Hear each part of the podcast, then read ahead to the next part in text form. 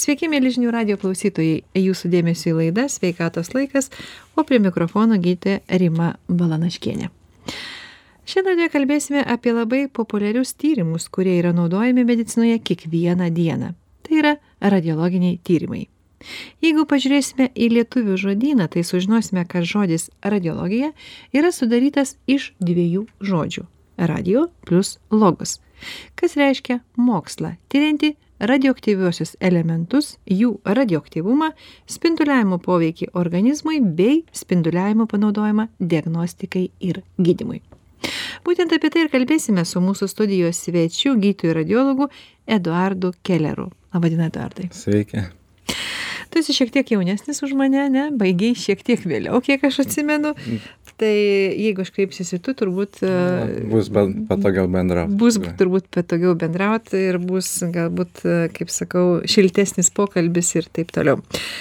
A, Pirmiausia, tavęs norėčiau paklausti netgi su tokia humoristinė gaidelė, kad pas jūs šeimoje radiologo profesija yra tarsi paveldima, čia žinai, kaip būna tos paveldimos lygos nu taip, nes mano ir tėvas buvo e, rengenologas tada jau. Paskui, taip, tada rengenologai buvo, taip. Paskui jau brolis mano vyresnis ten keturiais metais, jisai mhm. pasirinko, mhm.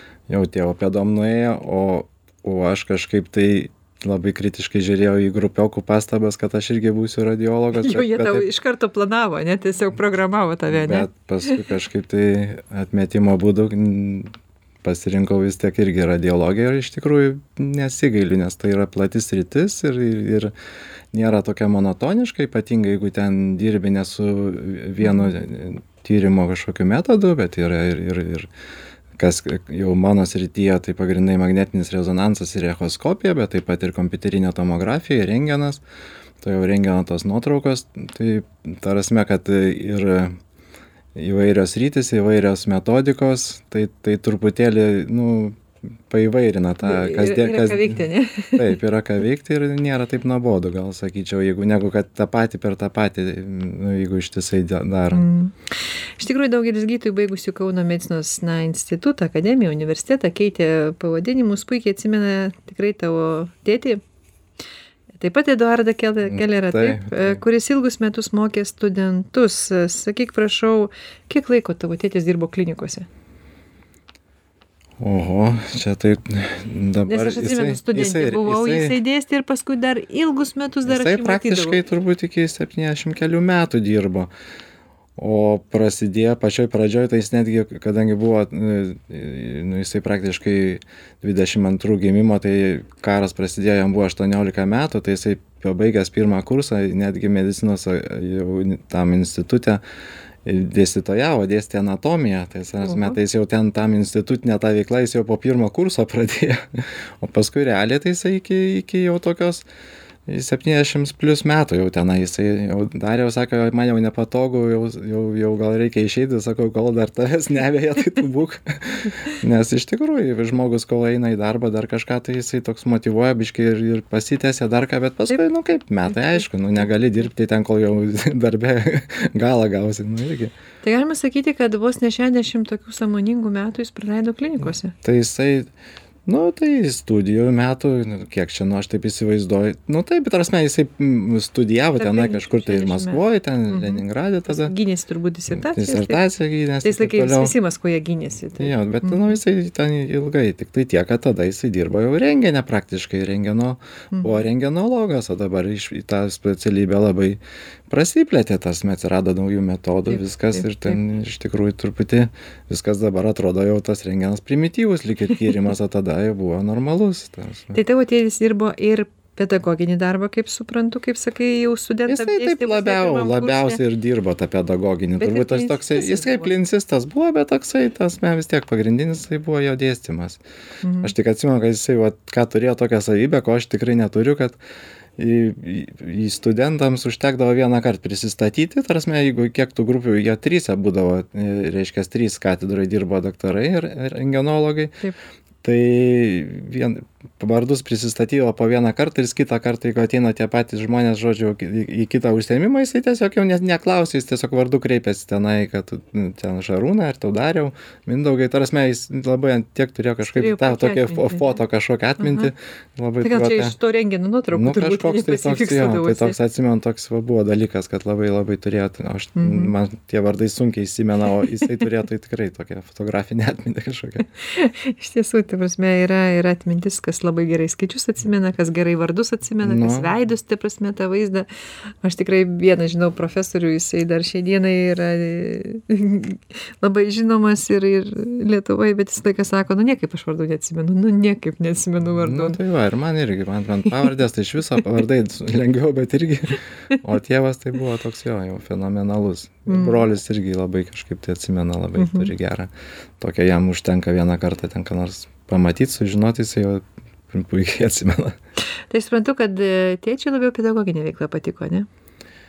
Tėvas praktiškai taip. jisai sakyčiau aš tai taip jį kaip kaip jau sūnus tai atsimenu jį kaip kaip dėstytoją praktiškai. Aš jį tokį kaip kaip kad va rentgeno kabinete ten su su aparatu šviestų tai tikrai neatsimenu tokio vaizdo. Mm. jis visą laiką būdavo katedroj jis su nuotraukom ten eidavo gal tie gydytojai pasikonsultuoti kam ten kas neaišku tai jis daugiau toksai kaip konsultantas negu kad ten rutiniškai sė- sėdėtų tenai kabinete ir rašytų nu bet aš iš tikrųjų ne kadangi mūsų didelis metų skirtumas penkiasdešim penkiasdešim kažkur turbūt du metai su tėvu buvo tai Tai tu čia toks vėlyvas vaikas. jo aš jau toks vėlyvas tai tai man kažkaip tai dabar gal būtų įdomu jau pasiklausinėt kai kurių dalykų o tada man kažkaip tai buvo neįdomu aš buvau dar jaunas viską ten tėvas dirbdavo nu ką man ten tai žodžiu aš kai ko nežinau iš tikrųjų kas gal būtų dabar įdomu Ja, iš tiesų turbūt, mm, kol tėvai gyvi, mes labai daug ko nepaklausėm, nes galvojom, kad dar suspėsime. nu, taip bet Vis laikas galvojam, bėga spėsime, o paskui Taip, taip, taip ir nespėjame. Ir, ir sakyk, prašau, įdomu, aš tavo tėtį tikrai atsimenu visą laiką tokį labai santūrų, išlaikytą žmogų ir, ir tikrą tokį pedagogą. O jis namuose irgi buvo toksai pedagogas. nu Jūs taip mama mokė- buvo karalienė jinai diktavo sąlygas o tėvas buvo jau toksai jau toks tarnas labiau Tikrai? aišku buvo subtilus Mhm, viską mhm. tenai m, pa mokėdavo palaviruoti kažkaip taip e, Mhm. diplomatiškai bet ar asme realiai tai jisai nusileisdavo taip Mhm. jau toks jo buvo toks šiaip ne žodžiu jeigu buvo kažkokia tai bangos kokios namuose tai praktiškai mamos ten būdavo tokie labiau Mhm. ožiai negu ten iš tėvo pusė tėvas jau toks gesintojas būdavo tenai tokių tikrai. Be galo ramus. niekad aš neatsimenu kad iš tėvo pusės būtų kilęs kažkoks konfliktas praktiškai Mhm. niekada žinai ten vis tiek tos mamos tai ten dirba pavargsta ten vaikai čia maistai Mhm, viską tai va daugiau jau jos ten paburbuliuodavo iš mamos pusės o o tė tėtis kažkaip aš jau ir matydavau jis kartais ir grįždavo ir iš sodo ir koks jau bet nie niekad ta prasme nebuvo tokio kad kad Mhm. jis būtų kažkuo nepatenkintas kad jam kažką skaudėtų ten tikrai kažkas būdavo bet nie niekad nesiskųsdavo ta prasme. Ir aš vat tą savybes kažkaip stengiuosi irgi perimti ir truputį ir perėmiau irgi kad aš taip jeigu galiu tai aš t- niekad neužkraunu svetimų žmonių savom bėdom kažkokiom. jeigu ten yra kažkokia bet nu da dalis kolegų tai iš tikrųjų nesugeba tai padaryt jeigu jiem ka- kažkas šeimoj nesiklosto ir tą visi kolegos darbe pajaučia Tu irgi. turi srėpti visi taip kartu. taip turi įsirėbt kažkas negerai nuskenuota kažkas perskeno kur ten nureliai tai taip nėra bet žodžiu vis tiek Mhm. kabinėjasi prie kažkokio tai tai čia toksai Jau žinai, kad su vyru susipyko ar su žmona tas susipyko, ne? taip taip jau yra toks Visas kolektyvas žino. taip taip tai čia tai jisai kažkaip ne ir aš irgi labai stengiuosi to nevelti kažkaip tai namų namų namų kažkokios ar ten asmeninės savo problemos Mhm. neturėtų apsunkint aplinkinių Taip turėtų būti iš tikrųjų. Ir aš galvoju, dabar daugelis gydytojų vaikų, augdami medikų šeimose, dažnai girdi visokius, sakykime, įvairius tokius pasakojimus, nutikimus apie tuos medicininius kažkokius tai va įvykius, kas įvyko Mhm. ten. Chirurgai pasakoja ten, na, gynekologai ir taip toliau. Dabar sakyk, prašau, ką gali papasakoti gydytojas, na, dabar radiologas, seniau būdavo rengenologas. Mhm. Atrodo, tokia sausas rytis, ne kaip tu va ir pradžioje Mhm. sakei, nu, kas tai yra juodai balta nuotrauka ir ką čia dabar papasakosi. nu taip Ar būdavo, kad kažkas tokio, va, kad tėtis kažką papasakodavo? Kai iš tokių sakykim Nu, kažkokių kriminalinių dalykų nu taip realiai tai žinokit jaučiu kad nelabai ką tokio neatsimenu aš tokio, kad būtų. Mhm. Netgi aš ir, ir, iš, ir iš savo pusės, aišku, nu, pasitaiko visokių kazusų tenai, bet realiai tai kur žmonės bando ieškoti teisybės ir, ir paskui ir tenka ar, ar kokią ekspertizę daryti, mhm. ar dar ką tai, tai praktiškai visą laiką net, net keista, kad kabinės prie žmonės kažkokio už kokio šiaudo ar bando tenai pristeis pinigų ir panašiai.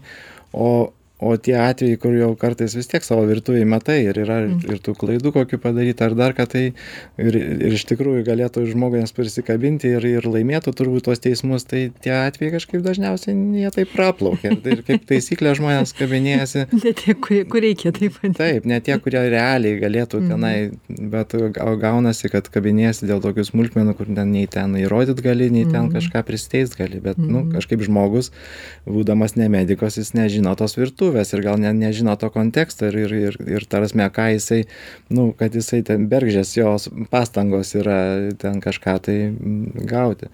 Tai ta prasme taip kad aš faktiškai taip būdavo gal ten ta darbo tema bet iš esmės tai namuose tos kaip sakyt aš daugiau mamos ten tą darbą mama baigus farmaciją ir ten medicinos mokykloj dirbo irgi ten su medicina bet jau truputėlį ne ne kaip gydytoja žodžiu o daugiau kaip dėstytoja tokia jau tiesiog studentų medicinos mokykloj tai jau daugiau aš iš iš iš mamos ten girdėdavau.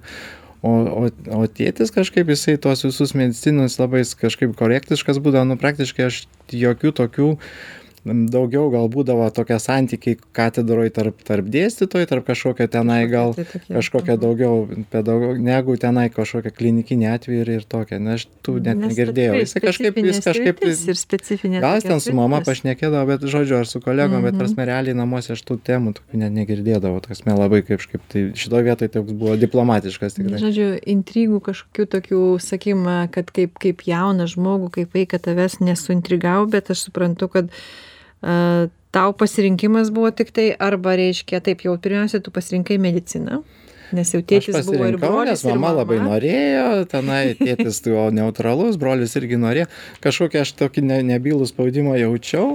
Paskui šeštam kursė pamaištavau šiek tiek, bandžiau eiti į ekonomiką, galvoju, mes Oho. mediciną eiti į ekonomiką, Oho, ten man tai pinigai, finansai kažkas, man labiau, bet kadangi tas laikas, kai aš baiginėjau 98 metai, buvo dar tokia nelabai tokia dar sus, situacija, susidėliojama ta ekonomika. Mano Mhm. Vilniečiai giminės ten buvo ekonomistų, bet aš kažkaip tai nelabai supratau, kas su kuo ten tas valgoma ir, nu, kad būtų artimi žmonės kažkas pabaigę ekonomiką, tai aš gal būčiau ir nesirinkęs tos medicinos Mhm. realiai. Tarsi aš ne, ne, kaip būna, kad tenai medicina iš- ir kažkoks tai, nu, kaip, kaip gimęs daktaras ar kažkoks tai pašaukimas kažkoks, tai aš kažkaip tai nežinau man patinka tas darbas aš nesigailiu tikrai ir ir ir ir ir įdomu ir ir ir stengiasi ta prasme ir ir kažkoks ir yra gal malonumas ta prasme iš to viso. Iš tikrųjų dabartiniu metu aišku ir patirties atsiranda tada kai Taip. tu jau kažką supranti lengviau tau ir ir ir ir tą kažkokį komfortą darbe ir ir su su rezultatais patirti bet e, tokį kad pasakyt kad iš prigimties jau čia toks aš sakyčiau amatas ir iš Mhm. principo gal ten chirurgam kokiam reikia tokia Atsakingas- amatas. atsakingas labai daug darbo Taip, labai ten taip, ir ir taip. pavargsti nes nu vis tiek visi Tikrai apsikrauna ir ten nu toks Taip. yra visi tie dalykai bet tas ir veža kažkiek tai nors mes toks Mhm. toks jau dabar jeigu taip pereiti ir ir į tokį labai labai tokį neapkrautą ir ir kad e, ten truputį padirbi ir ten praktiškai ilsiesi nu irgi jau kaž turbūt kad negalėtum visi įpranti į tą tokį režimą gal truputį galima numušt tą tempą bet bet iš esmės tai kol, kol, kaip sako, jaunystė yra, Taip, dar. bet šiaip realiai tai aš nepasakyčiau, kad čia būtų tas darbas iš pašaukimo, aš tai sakyčiau, gal toksai daugiau aplinka tokia sukrito ir, ir paskui, nu, šiaip tai gera ta specialybė. Šiaip tai jo, man pa, paveldėjau, galima sakyti, bet, bet e, O kas tavęs mokė radiologijos? Tėtis mokė, ar jau buvo kiti dėstytojai? tai buvo Gradauskas profesorius ir, ir Basevičius, docentas tada dabar jo profesorius. Tai, Mhm. O tėtis Tai mokė tave? ir buvo gintautas dar teisingam žinatilsi. Tai, tai, o tėtis, nu, kadangi jau ten taip tėvui gal nelabai patogu su sunaus grupė. Etiniais sumetimais. Taip, taip, tai jau ten jis neimdavo mūsų Mhm. grupės, bet iš principo tai ten buvo, aišku, viskas malėsi ten aplinkui. Ten. Mhm, mhm. A, tu šiek tiek jau užsiminei, kas tai yra gydytojas radiologas, galbūt dar pa, plačiau paaiškink mūsų radio klausytojams, kas tai yra gydytojas radiologas. Na, seniau kaip tikrai buvo gydytojas rengenologas, viskas aišku, rengeno nuotraukos, o kas dabar? Kiek plačiai įsiplėtė tas rytis ir, ir, ir, ir kiek, ap, kiek reikia mokytis, kad tapti gydytojų radiologu? Nu, va, tai aš tada mokiausi ki- du metus, kai buvo dar Čia mano rez- rezidentūra, Reiškia, šeši specialybinės- Šeši, paskui vieni medicinos? metai tokia bendrinės rezidentūros Mhm. ir, ir du jau specialybinės, tai devyni metai. Tai dabartiniu metu turbūt yra dešimt, aš suprantu, šeši Dešimt metai. metų Šeši diplomas medicinos. medicinos ir paskui ten jau keturi metai yra rezidentūros.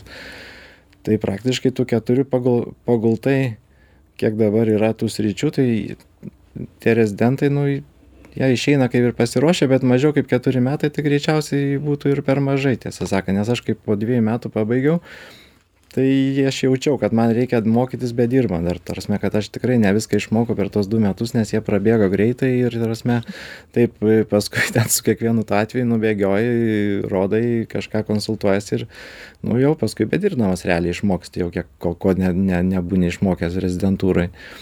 Tai ta, rezident, ta radiologija dabar tokia jau e, Kokios yra tai, kryptys tai galbūt? faktiškai, nu, tai yra aišku diagnostika, nu, ir rengenas, reiškia kompiuterinė tomografija, echoskopija arba ultragarsas, magnetinis rezonansas ir paskui dar yra nuklidinė, tenai, kur Tas centigrafijos, petai, Petai, E, tie, ne, taip, tokie jau taip. patys naujausi. tai turbūt, ten ne? yra naujausi tokie jau metodai, bet jie irgi labai specifiniai, jie neatsako į visus klausimus, jie daugiau tokie kažkokie nišiniai, kai tau reikia ar ten metastazės kokias nustatyti, ar dar ką tokia, kur viso kūno reikalingas tyrimas, kur tu negali nu, nufotografuoti ten ar kompiuterinė tomografija, nu, magnetinį rezonansą gal galima būtų, bet, nu, irgi toksai, žodžiu, praktiškai e, jie tokie nišiniai ta- tie tyrimai. Tai va, bet e, šiaip tai nu, labai plačiai yra ir, ir, ir kiekvieną tą metodą rengeną ar echoskopiją, jeigu įvaldyti visas rytis tenai, tai nu, labai sudėtinga. Pas mus Lietuvoje kažkaip įprasta, kad specializuojasi žmonės Ta daugiau. prasme, įvyksta gydytojų radiologų specializacija, taip? Tik ultragarsas, tik tai kompiuteris, ar taip gali? Visai gali, gali. Dalis mano kolegų dirba tik tai ultragarsę, dalis Mhm. dirba tik tai rengen, su rengeno tyrimais, dalis tik tai magnetiniam rezonanse, kita dalis daro viską, bet tarkim ne visas sritis, ten visus metodus, bet, bet sakykime, ne, nu, tyria pilvus ten labiau arba krūtinės lastas, o, o kaip mano sritis daugiau tokia yra, reiškia, sanarių ir, ir, ir neurologijos tenai jau taip truputį mažiau. Tai bet čia gal ir logiška yra tas ta specializacija, nes truputėlį daugiau gali pasigilinti, nes Taip, bet tai galima daryti, sakykim, na, didelėse universitetinėse klinikose, ne? O jeigu tavo kolegos dirba mažesniai ligoniniai, nu, ten turbūt neįmanoma turėti tiek daug įvairių sričių. į- Nu, iš, iš esmės sunkiau, bet įmanoma. Tarsi aš irgi ir anykščių ligonę važinėdavo į echoskopuoti, tai tarsi aš pilvų aš ne, nežiūrėjau, nes aš nelabai jos gilinausi, nes aš jų nelabai ir moku, o, o važiuodavau tiesiog į sanarių echoskopiją arba nervų ten, nu, žodžiu, savo specializaciją. Tai tarsi galima ir mažesniai ligoniai ten rasti tą kontingentą tokį ir pakankamai nemažai tų žmonių, kad, kad apsimokėtų važiuoti, tarsi ir žiūrėti. Tai, tai tas įmanoma, aišku, žymiai patogiau, kai tu moki viską, bet tas metai Mm. teoriškai, o praktiškai tai gaunasi, kad vis tiek kažkaip tai žmonės taip, nu, privengia, pavyzdžiui, jeigu ten žiūri pilvus, tai tų jau sanarių mažiau, tarsi, kažkaip jie gal supranta, bet ten Mhm, tokių jau mhm. kažkokių komplikuotesnių, nu, ir jiem diskomfortas yra, taip kaip man būtų žiūrėti kokį pilvą, ne- nelabai patiktų, tai jiems tas pats turbūt su tais sanariais, kur gali pasižiūrėti, bet kažkokių niuansų nežinosi, dar kažką, nu, ir gali kartais tą žmogų paleisti tokią tokią pusiau, tą tikslę diagnozę, kur, kur, diagnozė, taip. jo, tokia gali prašaut kažkur. Bet šitą jo, tai yra labai gerai, kad tu taip, kaip sako, įsivardyji ir pasakai taip, kaip yra, nes iš tikrųjų yra pakankamai sudėtinga, jeigu tenka dirbti rajoniniai ligonį ir jeigu yra vienas arba du maksimum specialistai, ne, tai kai yra neaiškios situacijos, o neaiškių situacijų medicinoje visada būna ir tai Tai labai dažna kasdienė situacija yra. Na, jūs universitetiniai klinikoje galite nueiti, kai ten yra 10-20 specialistų, konsultuotis ir taip toliau. O ką daro mažesnė miestelė esantis tavo kolegos, gydytojai radiologai? Nu, Su jie, kuo jiem konsultuotis? nu, va, tai ne, arba jie telefonu konsultuojasi, arba gali būti, kad dabar jau siunčia tas vaizdus tiesiog per telefoną kokiu, Mm. nufotografuoja. ta prasme nu šiaip tai visai dabar sakyčiau kasdieninė situacija yra mm, konsultuot telefonu ta Ta prasme prasme, pilnai telemedicina, taip. Ta prasme kad gali netgi visai kokybiškus tuos vaizdus gali tenai siųsti ir magnetinį rezonansą visus visą tyrimą gali persiųst telefonu ir tu ten labai staigiai gali jį peržiūrėt ir ir pasakyt kas ten tau yra. Nu ta prasme kad supaprastėja visi tie dalykai iš tikrųjų. Jeigu gal su echoskopiju kokiu nu bet irgi gali nusifotografuot tenai ir pafilmuot nuo nuo ekrano kad ten matai nu žodžiu aš manau kad neišvengiamai nu konsultuojasi turbūt o jeigu neaišku tai neaišku tai tada jau siunčia turbūt į į didesnį miestą ir tada jau tenai gilinasi jeigu mato kad kažkokia yra arba kitam tyrimui tiesiog siunčia tada jau. Iš tiesų, mokslininkai, kurie dirbo su pirmaisiais rengino aparatais, dar nežinojo, kokią žalą daro jonizuojanti spinduliuotė, todėl jie eksperimentuodavo ilgai, nesukdami galvos dėl ekspozicijų laiko ir atliekamų procedūrų skaičiaus. Už tai jie sumokėjo didžiausią kainą - savo gyvybę. Todėl 1936 metais balandžio 4 dieną šalia Rengeno instituto rūmų Amerikoje yra pastatytas paminklas 169 asmenims, kurie žuvo dėl jonizuojančios spindulė- spinduliuotės poveikio. Dabar trumpam atsisveikiname ir sustiksime po trumpos pertraukos. Likite su žinių radiju. Grįžtame į studiją, tęsime laidą ir šiandien diskutuojame apie radiologiją bei radiologinius tyrimus. Primenu, kad mūsų studijoje svečiuojasi gydytojas radiologas Eduardas Kelleras. E, Mes jau šiek tiek kalbėjome, Eduardai, apie e, radiologijos sritis, kryptis, ne? Dar kartą prašau primink mūsų klausytojams, galbūt kai kas tik dabar įsijungė radio imtuvą, tik prisijungė prie mūsų, kokie yra radiologiniai tyrimai, dar pabandykim išvardinti. tokie pagrindiniai tyrimai yra tai rengeno Tai pirmiausia, senasis rengenas, tas- ane, ta prasme, yra rentgeno klasika ir praktiškai jinai ir iš iš šiai dienai yra visai geras tyrimas jeigu imant ten kokius kaulus ar pakeitimus netgi darant ten kokius nors i to to tobulesnius e, tyrimus kaip magnetinį rezonansą tai kitą kartą vis tiek labai pravartu ir palyginti tą vaizdą su su tuo jau paprastu rentgenu. Tai ta prasme kad e, tai nėra nurašytas kažkoks tyrimas yra geras tyrimas. E, tiktai tiek kad nu jisai yra rentgeno spinduliai yra žalingi kitaip negu tarkim e, kokioj echoskopijoj kur nėra spindulių arba magnetiniam rezonanse kur irgi nėra spindulių tai truputėlį reikia jau atsirinkti kam reikalingi tie tyrimai ir toks žodžiu negali piktnaudžiauti bet šiaip tyrimas yra geras ir reikalingas tai tik Tai reiškia, tas toks senovinis metodas, rengeno tyrimas, jau tiek metų praėjo, jis vis tiek neprarado savo aktualumo, taip galima sakyti.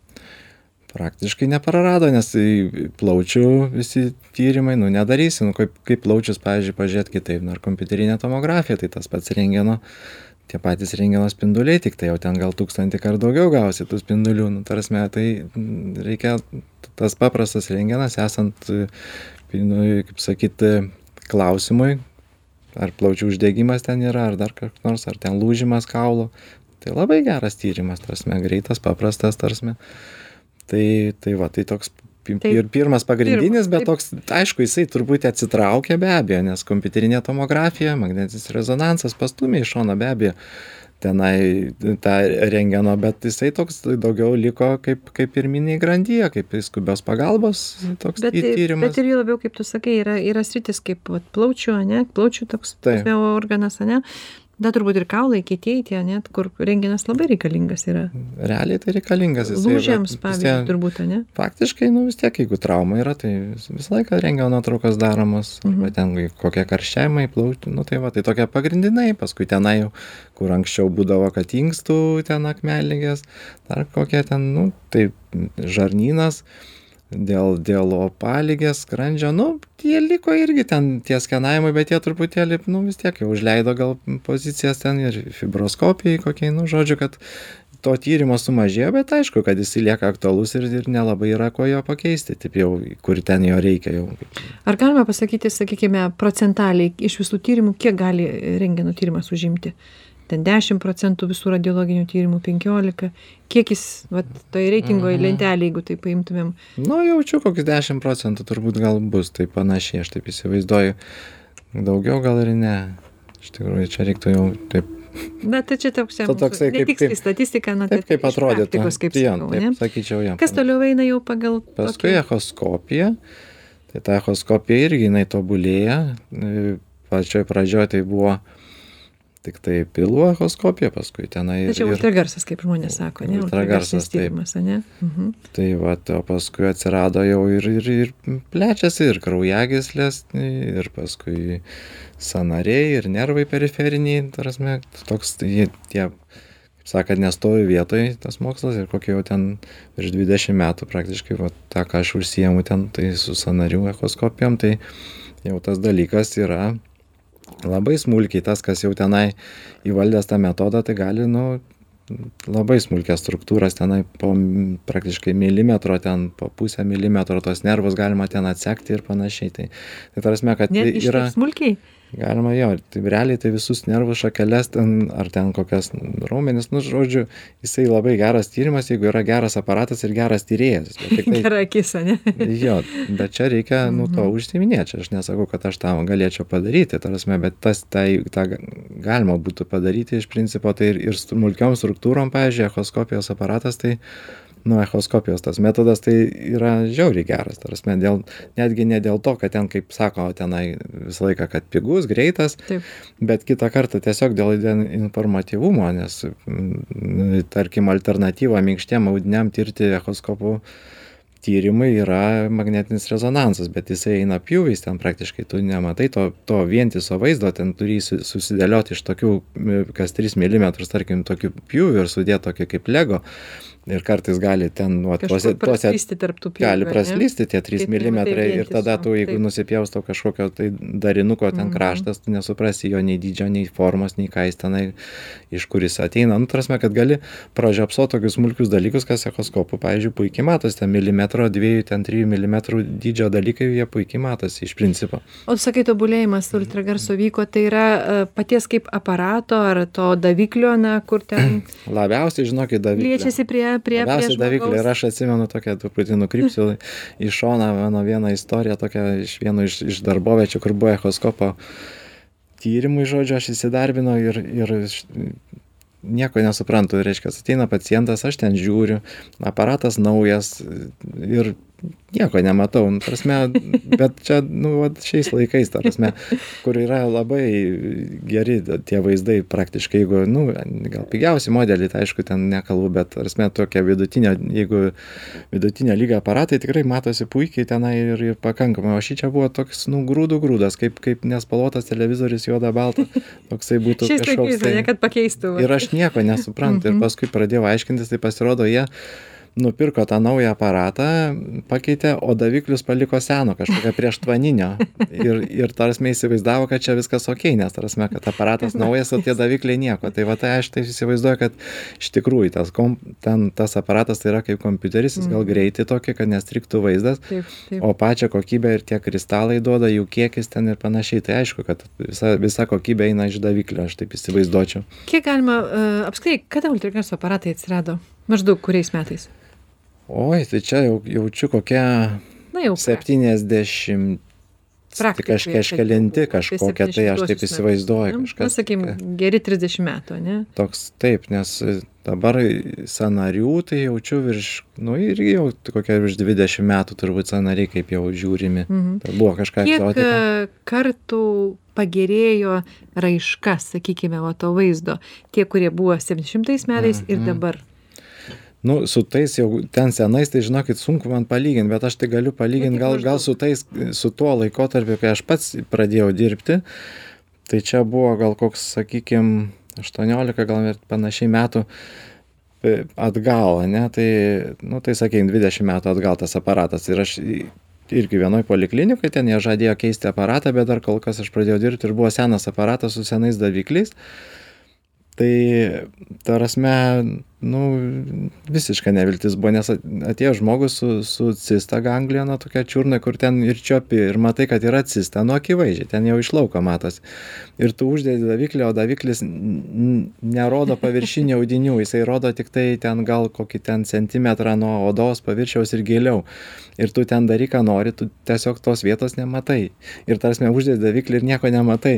Ir ta prasme kur iš lauko matai nu ta prasme tai Akim pat, tai prasme- geriau matai, tai negu davikliu. tai, tai žinok tai taip tai tokia neviltis buvo kad siaubas ir aš galvoju nu ne nu su tokiu aparatu tai čia nu Mhm. tiesiog nu yra laiko gadinimas tiesiog nesąmonė kažkokia Tai kiek kartų pagerėjo, sakykime, vaizdo kokybė? Vat, dabartiniai tų- nauji nu žiauriai pagerėjo nu kaip mašinos. Na tai 10, 20. kaip automobiliai nu įsėskit trisdešim metų automobilį ir dabar į naują. Tai kažkas tokio ta prasme kad skirtumas yra žiaurus. Ta prasme t- dabartiniai normalūs net nereikia pačio geriausio ten aparato bet sakykim tokios vidutinės klasės nu yra visiškas komfortas. Ta prasme tu nieko tau nereikia per daug. Jeigu jisai yra ta prasme ne ne va toks kad davikliai seni ten palikti tai ta prasme nepamatuosi kartais bet sakau čia galima įsivaizduot va su automobiliu. Paimk trisdešim metų automobilį kaip jis atrodo ir kaip važiuoja ir ir kaip ką tai aišku tu gali pro rolls royce'ą kokį pasiimti bet ne nu jau jūsų aparato jau nebus rolls royce'o nes vis tiek davikliai nu čia ir kompas Taip, taip, kompiuteriai viskas tenai viskas. ir ir čia ne tik kad ir vaizdas bet dar yra ir greitis. Ir mhm. tai manau kad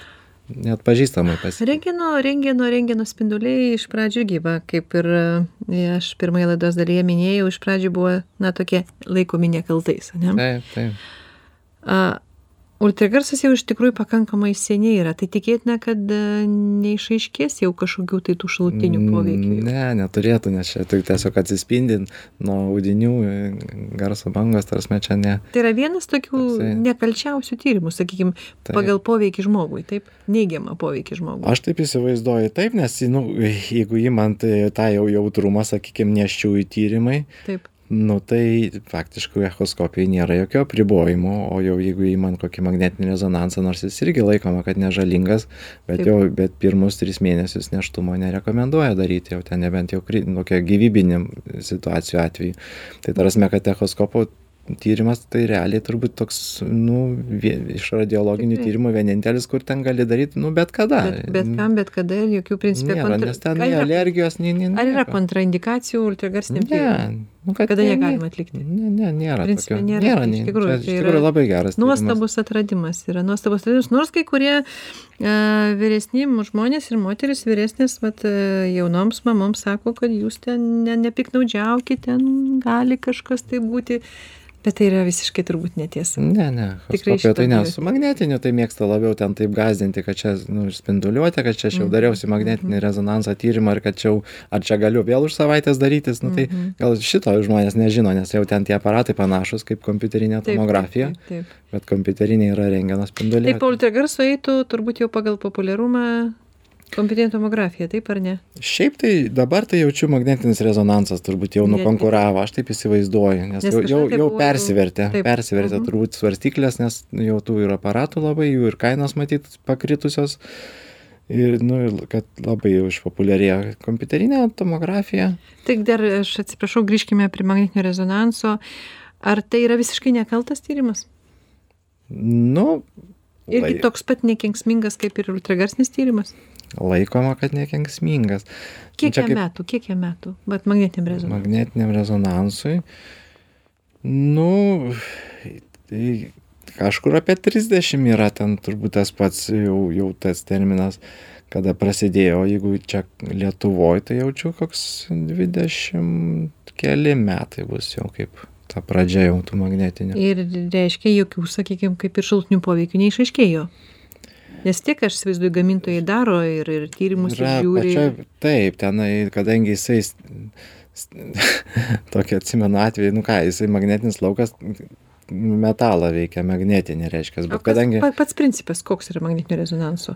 Nu, jisai duoda tokius impulsus magnetinius ir, ir vandens jonus mm, sustato į vieną kryptį ir paskui pagal tai laiko, pagal per kiek laiko atsistato atgal į savo poziciją, ten kažkaip tai skaičiuoja, ten šiaip labai su- sudėtingas tas, aš jau nepapasakosiu, ten daugiau Taip. fizikai, bet iš principo Mhm. tai yra tokiais e, momentiškai sustato vandens, žodžiu, tyriama, geriausiai matos tie audiniai, kurie turi vandens, reiškia, tai tie va plaučiai kokie žarnos jau jie čia- jau jie netinkami kaulams irgi nelabai gerai Apskritai, iš tikrųjų, kam labiausiai oringi tinkamas tai va magnetinis tai rezonansas? magnetinis ten kas turi vandens tai yra vandeningi organai reiškia smegenys stuburas sąnariai kepenys kasa Mhm. nu, ten kokia kad ir prostata ten dar ką nu aišku tyrė ten nu tai ir gimda Taip. tyrė daug ir žarnyną iš tikrųjų dabar jau tyrė bet bet faktiškai vat jau plaučiam nu jau nelabai širdis irgi eina dabar širdies tyrimai jau tokie yra ant bangos jau kaip sakyt irgi einami dalykai Magnetinio rezonanso. taip taip Taip.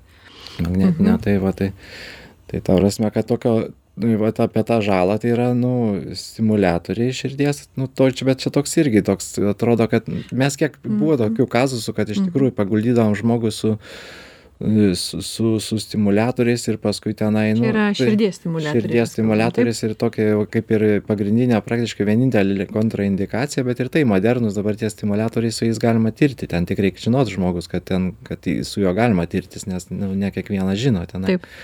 Tenai tai va tai o šiaip tai nu tai vieni vienintelė turbūt tokia kontraindikacija ir ir nėštumas va pirmi trys mėnesiai o o šiaip tai praktiškai visokią galima daryti O stimuliatorius, širdies stimuliatorius, e, jeigu žmogus turi implantuotą, tai yra dėl to, kad gali tas magnetinis laukas. nu atseit paveikti ir sugadinti nu Taip. toks kaip panašiai lėktuvai leidžiantys telefonus ten reikia išsijungt Taip, ar kažką taip, tai nu taip. kad čia atrodo tai čia gali būt kad panašiam lygyje gal bet ten iš tikrųjų kadangi laukas nu jeigu stiprus ypatingai kokios trys teslos nu velnias žino gal ten ir gali nors met tas stimuliatorius Ar tau realiai turi būti Teko, sakykim, turėti pacientą, jam jį tirti ir, na ir kas po to, ar atsitiko, ar nieko neatsitiko?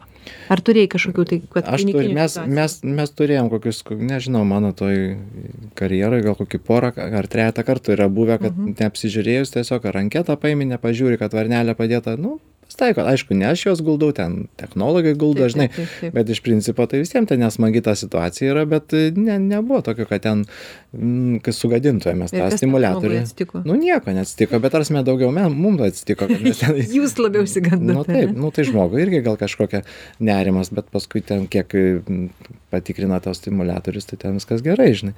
Tai ta gali būti, kad čia perdėta ta baime, bet, nu, yra toks tai dalykas, kad, nu, jau nusistovėjęs, kad jau su to stimuliatoriu visi jau su- pa- padidintas budrumas, kaip sakyti, yra šitoj vietoj. Bet jis gali paveikti būtent e, magnetinis rezonansas į patį, sakykime, e, kardio, tai yra širdies stimuliatoriaus veiklą, ar tai yra kaip į metalą, nes irgi, ta prasme, kaip visuomenė liaudėje, tai tie posakiai, kad ten Mhm. gali protezus ištraukti, ta prasme, kad metalus ir visa kita.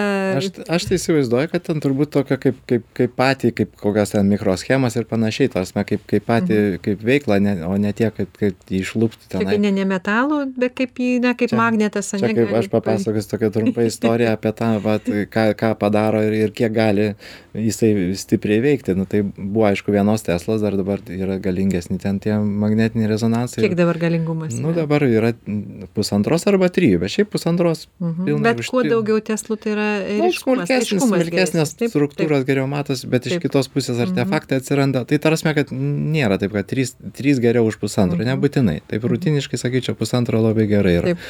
Tai, tai buvo, žodžiu, tokia situacija, kad paguldėm pacientą ir ir jisai sulenkė koją ta prasme ir ir ir laborantas techn technologas sako nuleiskite koją nuleiskite koją. Ir jau paskui jau jau visai užsiuto atsidarė durys sako "N- nuleiskit koją nu ištieskit ta prasme. Sako aš negaliu nes ta prasme pas jį šlaunies buvo reiškias įdėta metalinė vinis kuri buvo plieninė ir magnetas traukia į viršų ir jis negali niekaip jo ištiesti Ta koja traukia. traukia taip nes jis taip nes jis sako tai ištieskit gal kad čia kaip su mažu vaiku o tas jau negali nes į ten lupa. Tai ta prasme kad nu neišlups ten to to vinies ta prasme poveikis tai bet traukti va gali kaisti gali nu kažkoks bet jau tie protezai dabar jau kokį dvidešim metų realiai turbūt daromi visi Jau ne nėra, magnetiniai taip, ne mag- tai tos tai tos tokios kad ten su protezu negalima tirti O jau ne neliko jau ten. nes kai būdavo gi metaliniai dantys seniau. Ne, tarsi neišlups ten nieko, tarsi tik tai gali iškraipyti vaizdą aplinkui, tai vat, labiausiai turbūt o čia. Tai tokio pavojo fiziškai, kad ten kažką išlups, tai ne. O čia, nu ten jeigu akyje koks krislas, bet tai kas vaikšto ten akyje su krislu, nu, tarsi vis tiek bus jau pašalintas, tai ar ten smegenyse ten kokias keveldara, bet irgi švinas, nu švinas net netraukia švino, tai tarsi ten jau, kad, nu, praktiškai realiai tai tiktai vat sakau lieka tiktai tas stimuliatorius kuris irgi naujai praktiškai su naujais irgi galima tai tą galima sakyt grubiai kad nėščiųjų pirmus tris mėnesius stengiasi nestirti ir tada jau kaip sakyt visa kita galima daryt visą laiką. Tai čia jau taip kaip ir panašiai echoskopija čia nėra tokio apribojimo. O jau rentgenas su kompiuterine tomografija kaip rentgeno spinduliai aišku jau turi paskaičiuoti ar ar verta žmogui daryt ar ne dar liko visai paskutinė tokia sritis tai yra visos tos naujienos ane kaip sakei tai yra petas ane kas gi tas petas ane tas toks jau pozitrono ane emisija ta prasme kas labiau supranta kas tai yra kaip žmonėm paaiškinti? Daugelis bijo ten sako tu paskui spinduliuosi dvi dienas negali įeiti į namą į butą su kitais nu nekontaktuoti. aš ten taip kadangi pats tokių mitų visokių vaikšto.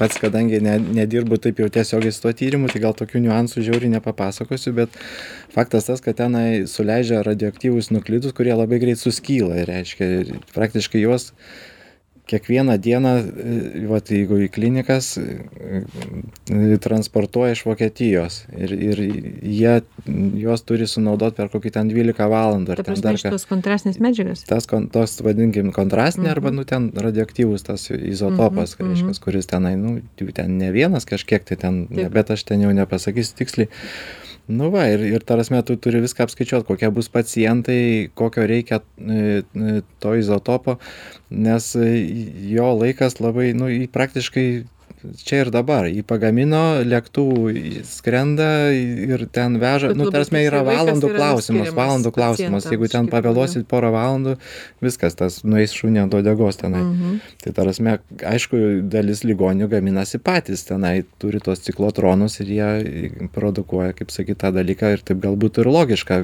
darytis čia pat bet e, nu tie dalykai ten milijonais kainuoja brangūs ir nu kol kas lietuvoj nėra to. Kuo jo ypatumas? Na kuo jis turi pranašumą prieš magnetinį rezonansą kompiuterinę tomografiją? Peto tyrimas realiai tai ten dedasi kaip ir du tyrimai reiškias kompiuterinė tomografija ką ir- jis tokio parodo ir paskui ypatingo jisai rodo kaip reiškias patologiniai audiniai kaupia tą radioaktyvų e, nuklidą tai čia daugiau kur onkologijoj jis naudojamas yra? Aš taip įsivaizduočiau kad pagrindinai onkologijai naudoja tada kai Mhm. reikia ištirti visą visą kūną ir pasižiūrėt e, kuriose vietose ten sakykim ar kokios metastazės parodo smulkiausius ane tokio- ta prasme taip. židinius. taip. Onkologijai taip taip Mhm. pagrindinai onkologiniai tokia diferencinė diagnostika ar onkologija ar ne onkologija nu tokia tai daugiau Mhm. tokia bet čia toks labai jau nišinis yra dalykas kur brangus apie ten tūkstantis eurų tas tyrimas kainuoja bet e, bet jisai žodžiu jisai geras bet tai kažkoks nišinis sakykim toksai Mhm. labai jau kągi mūsų pokalbis eina į pabaigą ir aš norėčiau dar porą klausimų tavęs paklausti sakyk prašau a, be kokio tyrimo ane? Be kokio tyrimo kaip tu manai šiuolaikinis gydytojas na visiškai neišsiverstų va iš tų mūsų paminėtų radiologijos sričių? Vat be kurio vat reiktų pasirinkti. Kaip tu manai gydytojai praktikai iš tų visų ką labiausiai pasirinktų? Nu va pasirink dabar. Ką labiausiai mėgsta skirti galbūt?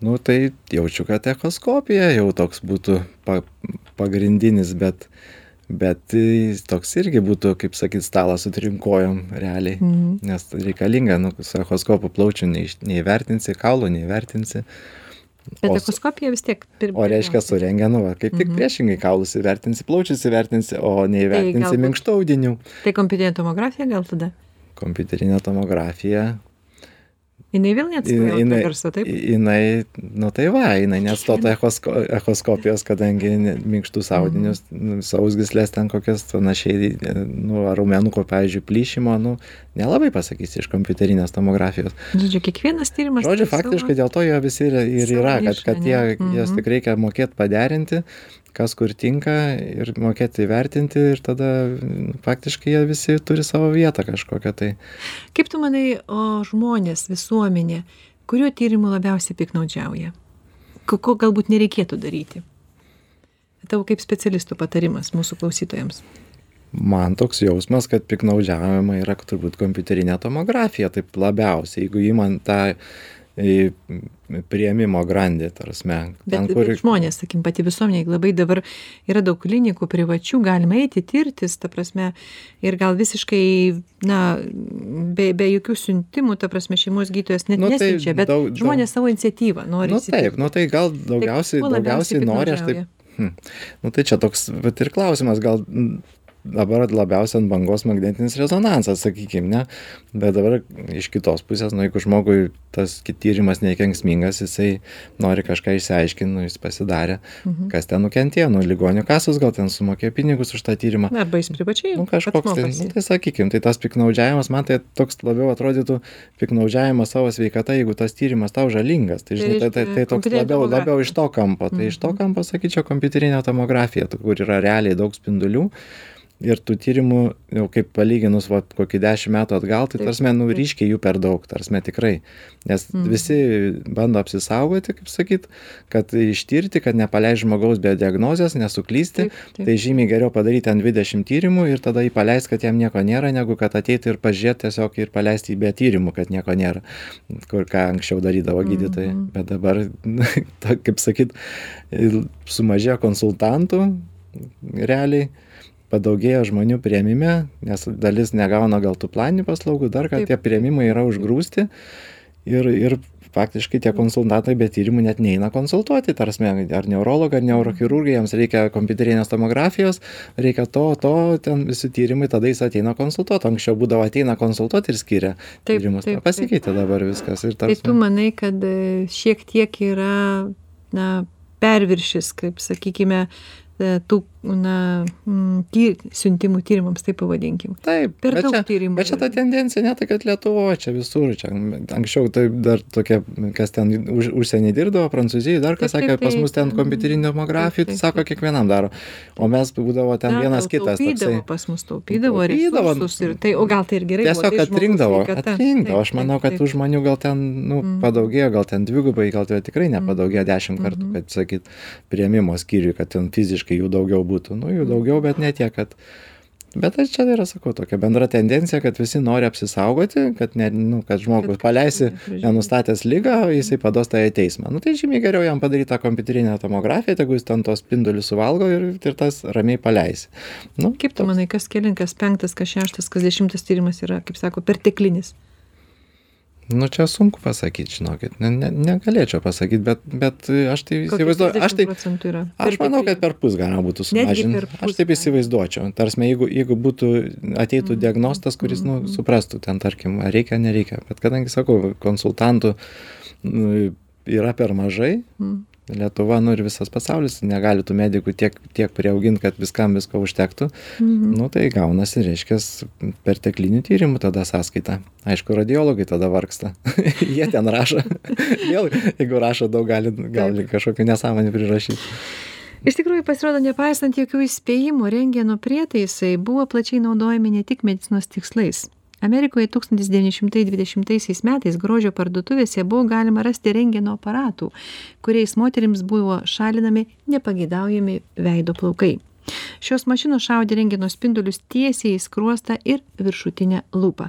Paprastai buvo atliekama iki dvidešim tokių procedūrų bet tai jau yra istorija primenu kad mūsų studijoje svečiavosi gydytojas radiologas eduardas keleras. O jums mieli radijo klausytojai primenu kad visų laidų garso ir vaizdo įrašus galima rasti žinių radijo interneto svetainėje zinių radijas taškas lt ačiū eduardai labai ačiū labai jums. už atėjimą už tavo laiką nes kaip sakoma dabar pats brangiausias dalykas kad tu mums papasakojai taip išsamiai ir klausytojai tikrai manau dabar supras tą radiologiją išsamiau ir ir galbūt visada pagalvos prieš eidami tyrimą ar jis tikrai yra reikalingas. O aš atsisveikinu linkėdama stiprios sveikatos ir tegul mokslo pažanga tarnauja tik gėriui ir visuomenės progresui. Likite sveiki. Viso geriausio